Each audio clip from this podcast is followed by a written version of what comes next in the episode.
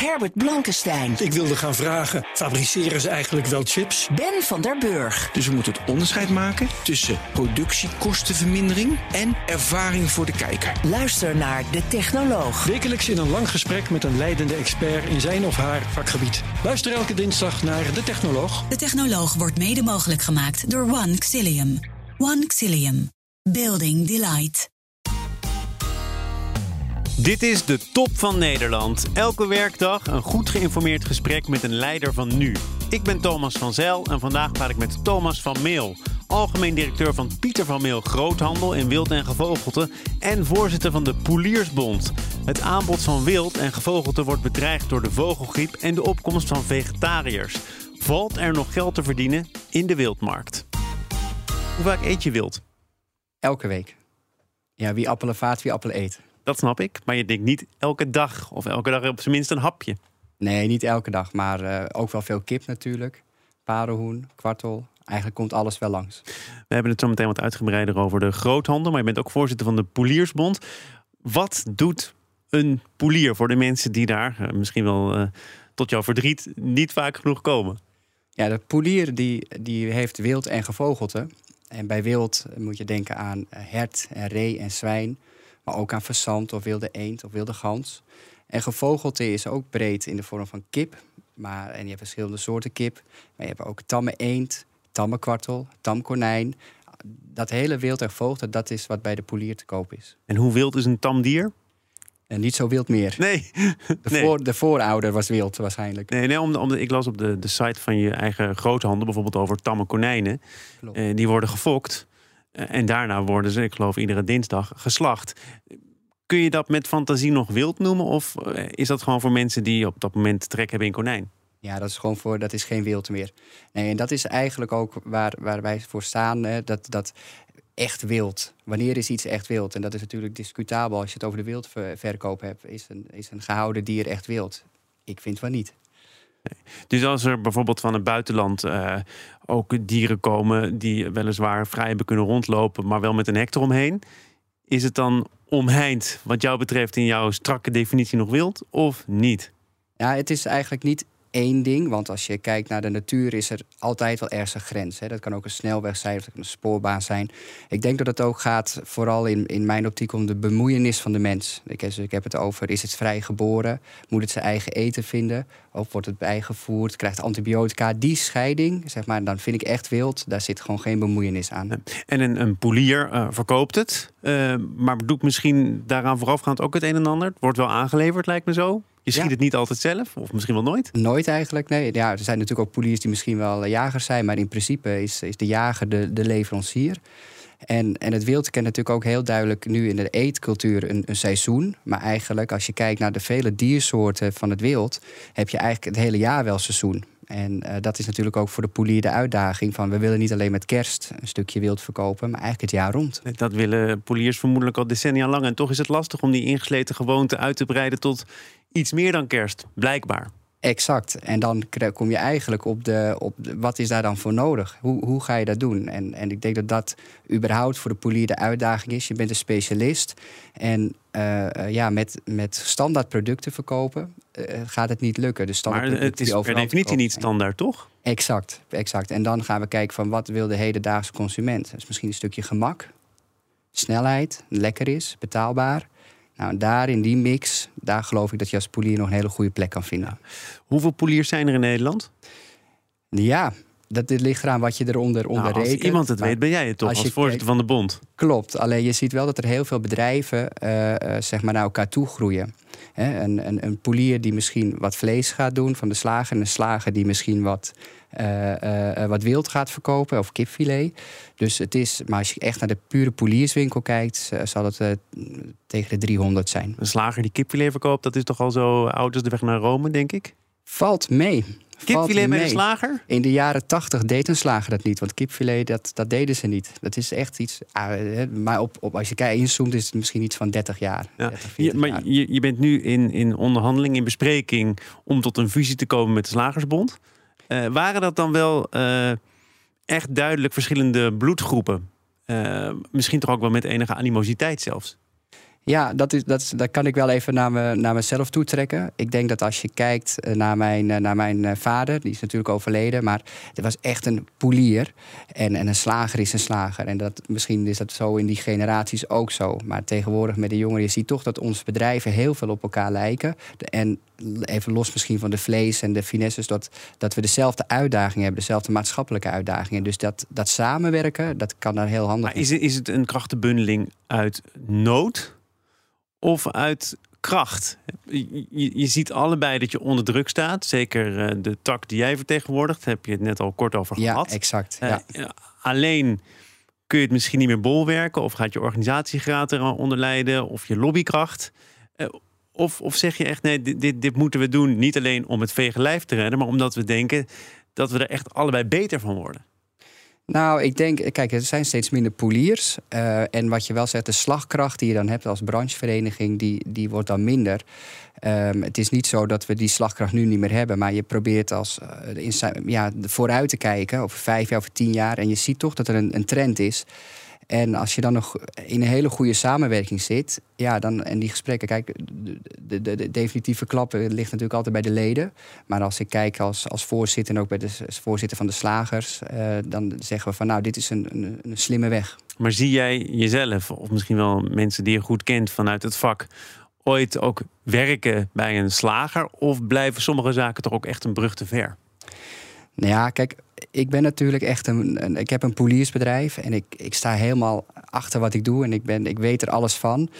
Eh, eh, ik vind, daar, dat vind ik wel leuk als specialist. Dus je zal mij, eh, ik, zeg, ik sluit niet uit dat ik het nooit doe, maar mijn, mijn hart ligt wel bij het wild en gevogelte. Maar personeel is in heel veel sectoren, heel veel branches een heikele kwestie. Hoe kom ik aan mensen? exact. Is het zo dat als je voor een polier kunt werken, dat je ook voor een slager kunt werken, puur kijkend naar vaardigheden die je nodig hebt? Eh, in ieder geval een heel aantal basisvaardigheden. Dus als je kijkt naar eh, hygiënisch werken, eh, hoe ga je überhaupt om met vlees, hoe hou je een mes vast. Eigenlijk dingen die echt bij onze sectoren horen. En dat, dat, dat is eigenlijk die gemeenschappelijke deler. Hoe maak ik goed schoon, noem maar op. Dat, dat is heel erg. Kijk, de, de vakkennis op het product. Als iemand dat al allemaal heeft, kan je die wat sneller leren. Dus ik zie daar zeker wel eh, overeenkomsten. Ook qua opleidingen. Een groot deel van de opleidingen kan je gezamenlijk doen. Hoe voor de hand liggend eh, was het dat jij eh, ook de weg van je vader zou bewandelen? Want je vader overleed, ik meen vrij plotseling, Ja, ja. uiteindelijk. Uiteindelijk In vrij plotseling, Ja. klopt. En eh, eh, ik begreep dat je als tamelijk jonge jongen in één keer toch ook het een en ander eh, te zeggen had. Of in ieder geval sneller groeide in het bedrijf dan je misschien voor mogelijk had gehouden. Klopt, eigenlijk was ik veel te jong.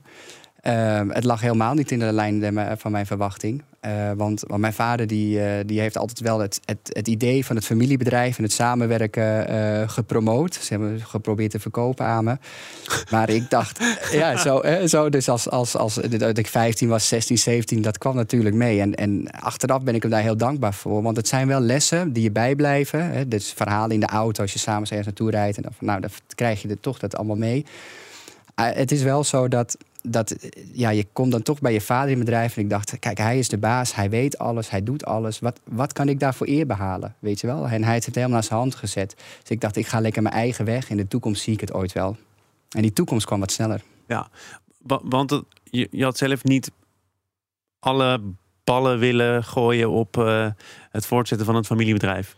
Dat had je misschien ooit wel als overweging willen meenemen. Maar misschien wel 10 of 15 jaar later dan gebeurde. Ja. Klopt. Maar nu, Ja. nu eh, ging het sneller dan je voor mogelijk had gehouden. Ook sneller dan je had gewild. Je bent dus, eh, gewild of niet, wel nu actief in een krimpmarkt. Hoe is het om dat te beseffen? Ja, ja dat, dat voelt niet zo voor ons als bedrijf. Ik begrijp wel wat je zegt, maar, zeg maar omdat ik geloof dat de taart nog steeds best wel groot is. Alleen wat ik zei, je moet je als ondernemer en, en met, vooral met producten en met productontwikkeling moet je onderscheiden. En als je blijft doen wat je deed, ja, dan is het een krimpmarkt. Maar ja, er is juist ook heel veel kans, om, want specialisten zijn er tekort. En als je kijkt naar de, wat er gebeurt in de, in de, in met het eten en met de gezondheid en de trend die er zijn, sluit het, het wild en gevogelte daar heel goed bij aan. Nou, er zullen ook mensen zijn die zeggen dat eh, wild en gevogelte überhaupt niet op een menu thuis horen. Dat zijn misschien de wat meer fundame- fundamentalistische eh, mensen die daar een blik op werpen. Ik geloof dat je ook wel eens in discussie bent getreden met iemand voor de, voor de Partij van de Dieren. Eh, Klopt. hoe is dat jou bevallen? Nou, ik denk dat, dat, uh, um, dat ik kan er vrij simpel over zijn. Uiteindelijk, als, het, als, je, uh, als je echt lijnrecht tegenover elkaar komt, weet je, dan respecteer je de mening van de ander en dan, dan houdt daar eigenlijk de discussie op. En uiteindelijk is het natuurlijk ook een consument die grotendeels bepaalt. Ik bedoel, als het in de winkel ligt en het wordt gekocht, dan, en als je het niet wil kopen, koop je het niet. Nee, waar, komt, waar komt het wild dat mensen in Nederland kopen bij een polier of als ze een beetje geluk hebben bij een bepaalde supermarkt? Waar komt dat vandaan? Ja, dat is heel verschillend. Het meeste wel uit Europa, als je kijkt naar het echte wild. Uh, het, het, wild in Nederland is, uh, is eigenlijk klein. We hebben heel, wel heel goed opgeleide professionele jagers. Dus, dat, dus de kwaliteit is hoog. Nou, er, is geen jacht puur opgezet uh, of geen, voor, voor handel, toch? Het gaat om beheer. Klopt, ja. Ja. En waar ja, komt dat? Dan heb je het over de Veluwe bijvoorbeeld. Ja, en dat is natuurlijk. Uh, kijk, ik ben natuurlijk vanaf dat het dier geschoten is, komt het bij mij. En dan, dan wordt het vlees als het ware. Dus daar kan ik het meest over vertellen. Um, maar het, het is wel zo dat um, um, ik kan niet wild bestellen. Ik kan niet. Kijk, als je met een boer samenwerkt en die heeft bijvoorbeeld kippen, dan weet je over acht weken komt er een stal kippen dat weet je, en daar kan je op plannen, daar kan je rekening mee houden. Maar ik kan niet nu bellen, goh, mag ik morgen even twee herten? Zo werkt dat niet. Dus het is, je krijgt wat er, wat er aangeboden wordt uit de natuur en uit, uit hè, wat er geoost wordt als het ware. En daarna ga je aan het werk. Nou, we hadden het net ook over het onderscheid tussen tam en wild, dat soms moeilijk te maken is. Sommige dingen heb je wat meer in de hand, lijkt me dan. Uh, ja, de, bij, bij TAM heb je het eigenlijk wel in de. Kan je de, kan je de keten kan je, uh, plannen. Maar moet jij veel klanten dan teleurstellen? Omdat het nu helemaal niet op bestelling is en wat grilliger verloopt dan je misschien zou willen? Soms wel. Als er bijvoorbeeld, uh, nu is er bijvoorbeeld minder wild zwijnsvlees, ja, dan moeten we toch met een alternatief komen. Gelukkig hebben we dan heel veel alternatieven, omdat we zoveel wildsoorten hebben, maar ook gevogelte soorten. Dus er zijn veel, veel alternatieven binnen onze groep. Uh, maar ja, dat is, dat is, maar dat is juist het mooie. Maar zoiets als de terugkeer van de wolf in Nederland. Hè? Mm -hmm. Daar hoor je ze af en toe berichten over dat het uit de hand loopt of dat mensen het recht in eigen hand nemen. Uh, er is nu ook een rechtelijke uitspraak volgens mij dat de jacht dacht dat het over de Veluwe ging, mag doorgaan. Speelt dat een rol in wat jij wel of niet kunt verkopen? Uiteraard, uiteraard. Dat deel dat ligt natuurlijk eigenlijk in de kolom voor, voor ons. En ik volg dat wel op de voet. Uh, uh, maar uh, uiteindelijk heb ik er zelf relatief weinig invloed op. Maar nou, wat, wat heeft wel invloed op wat bepaalt de prijs dan? He, want jij zegt, ja, het is niet, u vraagt, wij draaien. Nee. Hoe kom je tot een redelijke prijs? Ja, dit, het is vraag en, vraag en aanbod. En dat, dan draait het seizoen ook enorm mee natuurlijk. Rond de kerst is de vraag hoger. En het hangt ook heel erg van het weer, van het weer af. Is het, is het een heel warm jaar geweest, een koud jaar geweest? Hoe, is de, hoe zijn de dieren? Kijk, ze, ze, leven helemaal op zichzelf. Dus het is niet zo dat er wat meer voer bij kan. Ik, ik zag op de, de site van, van de Poliersbond uh, het kopje prijsnotering. Ja. Dat kan dus per week verschillen. Ja, die prijsnoteringen dit zijn eigenlijk voor kipprijzen. Met wild is dat toch gewerkt anders. Het zijn ook kleinere, kleinere stromen. Het zijn natuurlijk vaak individuele uh, of kleinere groepjes in gebieden van, van jagers beheerders. En um, ja, die prijsvorming die doe je toch ook op relatie en wat je ook in het buitenland om je heen ziet. We gaan naar een uh, dilemma in dit gesprek. Als je wil kiezen, dan uh, uiteraard graag. Dan mag je dat achteraf nuanceren.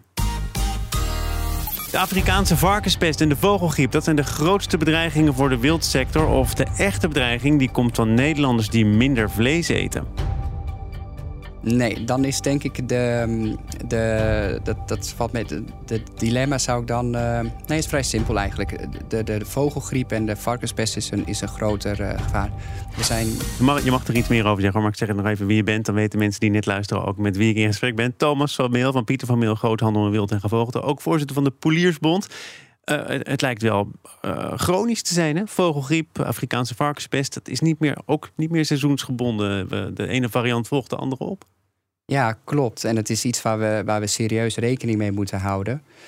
Um, ook, ook dit hang, zit eigenlijk in de, in, de, in de kolom voor ons. Maar het heeft, het heeft veel invloed op ons bedrijf. En ik denk dat je dat voor onze bedrijven, als je kijkt naar de hele branche. En, en dat is natuurlijk de laatste jaren best wel aan de hand met, uh, uh, met inflatie, met energieprijzen, met, met corona, met dierziektes. Heel veel dingen die als ondernemer, waar je heel snel in moet omspelen, heel veel veranderingen. Dat is best uitdagende tijd. Ja, maar dierziekten, daarvan zullen critici zeggen, dat is een symptoom van dingen die mis zijn met het uh, systeem. Er klopt iets niet.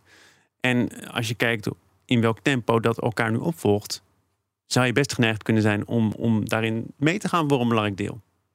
Nou, ik denk dat, dat als, je, als je ziet de dierziekten die, die wij met het wild natuurlijk dan meekrijgen, uh, bijvoorbeeld is als de vogelgriep. Dat is eigenlijk, uh, die gaat eigenlijk van noord naar zuid met de trek van de vogels. Um, ja, daar, daar kunnen wij als mensen op dat moment vrij weinig aan doen. Maar vogels die... trekken toch al sinds mensenheugenis naar, van noord naar zuid. En dus, op dit moment. Uh, dus die griep ook dan. Oh ja, en waarom is er nu dan zoveel meer hinder van die griep? En komt dat ook waarschijnlijk toch in Nederland vaker voor dan in het verleden?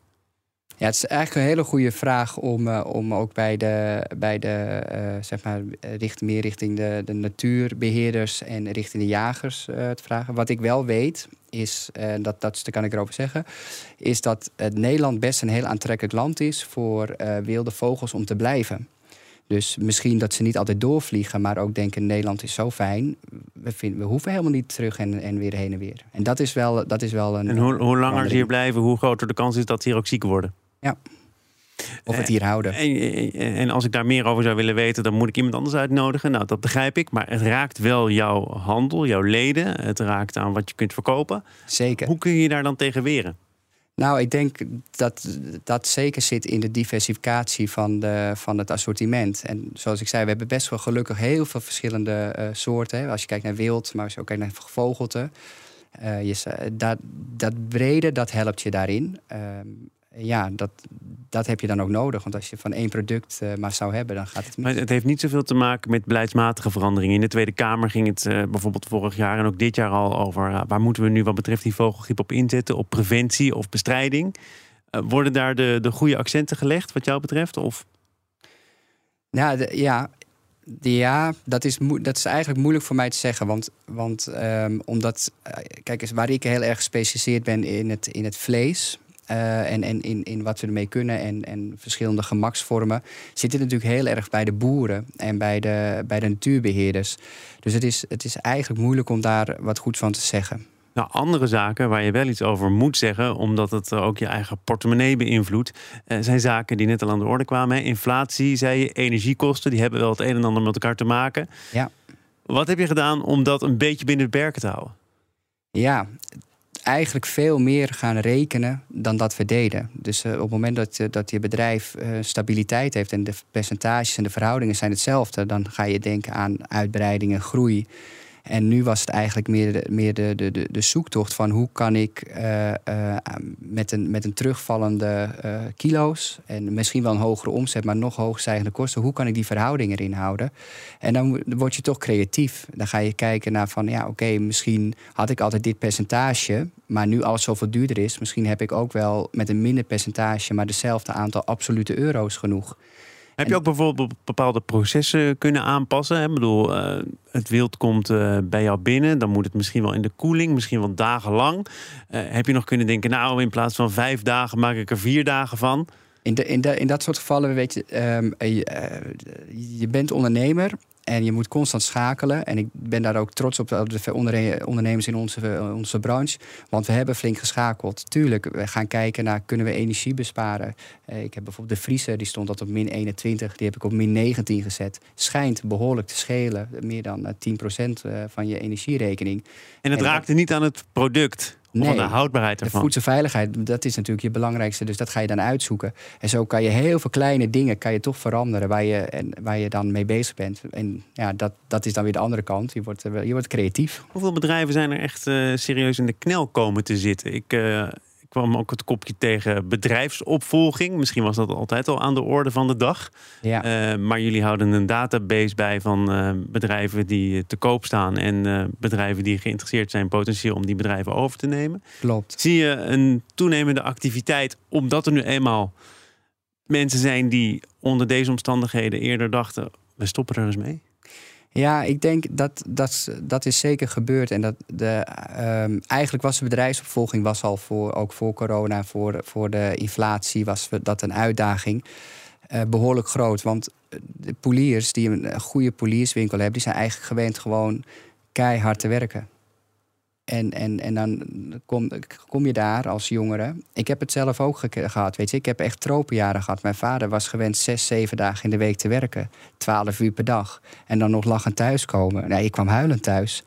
En, en dat is natuurlijk dat model, dat is ook een maatschappelijke ontwikkeling, maar dat model dat ver- moet je veranderen in je bedrijf. En dat gaat niet van de een op de andere dag. Je moet eventjes tegenaan. Ja. Maar dan kan je wel een hele goede boterham verdienen met een policebedrijf. Er zijn ook eh, andere zaken die eh, veranderen, ook omdat ze worden opgelegd. Dilemma 2. De toeslag op plastic is een flinke tegenvaller voor ondernemers. Of het is hartstikke goed dat ook poliersbedrijven meegaan in de verduurzaming. Ehm, Je mag het achteraf nuanceren. ik ga nu, dan kies ik voor de tegenvaller. Waarom is het zo'n tegenvaller? Nou, omdat de geest, de gedachte erachter, de geest van de gedachte is heel goed. Minder zwerfafval en, en dat, dat, is iedereen voor en onze branche ook. Ik denk alleen dat als je kijkt naar de uitwerking en de regeldruk die bij de, bij de kleine ondernemer, vergeet niet die polier, dat geldt eigenlijk ook voor een visboer en ook voor een slaat, die staat gewoon te werken in die winkel. En die, die regels die zijn heel moeilijk. Ja, moet ik nu wel, moet ik nu niet het erbij doen? Die regels zijn zo moeilijk dat jullie een webinar organiseren. Ik geloof eind deze zomer. Om die wet eens goed uit te leggen. En ook de praktische uitvoerbaarheid tegen het licht houden. Maar hoe moeilijk kan het zijn dan? Ja, dat, dat, dat is. Kijk, geluk, gelukkig heb ik er persoonlijk weinig last van. Maar ik ben in een aantal winkels geweest, praat natuurlijk met, eh, met ondernemers. En dan is het ook vooral hoe leg je het je medewerkers uit. Dus je, je pakt nu het bakje en ik, ik, ik doe het erin. Dan moet ik het wel rekenen. Maar als ik hetzelfde bakje vanmorgen erin had gelegd. en ik had het voor, voor eh, al in de, in de toonbank liggen. dan hoef je dat niet te Ja, rekenen. want het gaat om, om wegwerpbekers, om verpakkingen. Ja, die zijn dan heel duidelijk. Hè, Ja, precies. Maar het Ja. gaat om, om verpakkingen voor onderweg. On the go. On the go. Maar ja, wanneer is het on the go? Een pakje rosbief bijvoorbeeld, wanneer is het on the go? Die, dis, die discussie die is best wel... Het is niet heel, heel rechtlijnig. Dus, dus, maar ik denk dat de, het grootste punt eigenlijk is... dat, dat we kleine bedrijven, kleine ondernemers... papa-mama bedrijven of met iets meer personeel... krijgen heel veel regels van de overheid. En die regels die maakt er eigenlijk voor dat de lol van het ondernemen verdwijnt. En daar moeten we voor oppassen. Want juist die ondernemers hebben we nodig ook voor het, voor het sociale. Maar soms zijn dat wel regels eh, waarvan het nu lijkt dat het men overvalt. Maar waarvan je, als je het een beetje volgt, weet... Europa is hier al jaren mee bezig. En ik waarschuw vast, er komt nog een strengere plastic wetgeving aan... waar nu aan eh, gewerkt wordt. Het is toch niet zo dat dat een enorme verrassing is? Nee, het is niet een enorme verrassing wat dat betreft. Maar het is wel zo dat de praktische uitvoerbaarheid gewoon heel moeilijk is. En kijk, dat, zeg ik, de geest, de geest klopt. Alleen, alleen de uitvoering in de winkel, ja, tot hoe ver ga je die regeldruk nog opvoeren? Nou, het is heel simpel. Iedereen brengt zijn eigen pannetje mee. Ben je er vanaf? Ja, maar zo simpel is het dus niet. Want is dat pannetje schoon? En is die schoon genoeg om je vlees nog in te Ja, bewaren? dit zijn de argumenten die ook de, de branchevereniging voor de frituur eh, naar voren heeft gebracht. Hè. Van eh, ja, wij zijn ook verantwoordelijk voor voedselveiligheid, Exact. voor hygiëne. Het moet ook nog praktisch uitvoerbaar zijn. Eh, maar bring your own staat bij jullie dus niet op de agenda. Dat is geen oplossing. Nou, kijk, uiteindelijk moeten we de wet uitvoeren. En doen, doen we dat. Dus we doen het. Alleen, alleen hoe, hoe je het doet en wat, wat je er nou mee bereikt. Of dit de juiste weg is.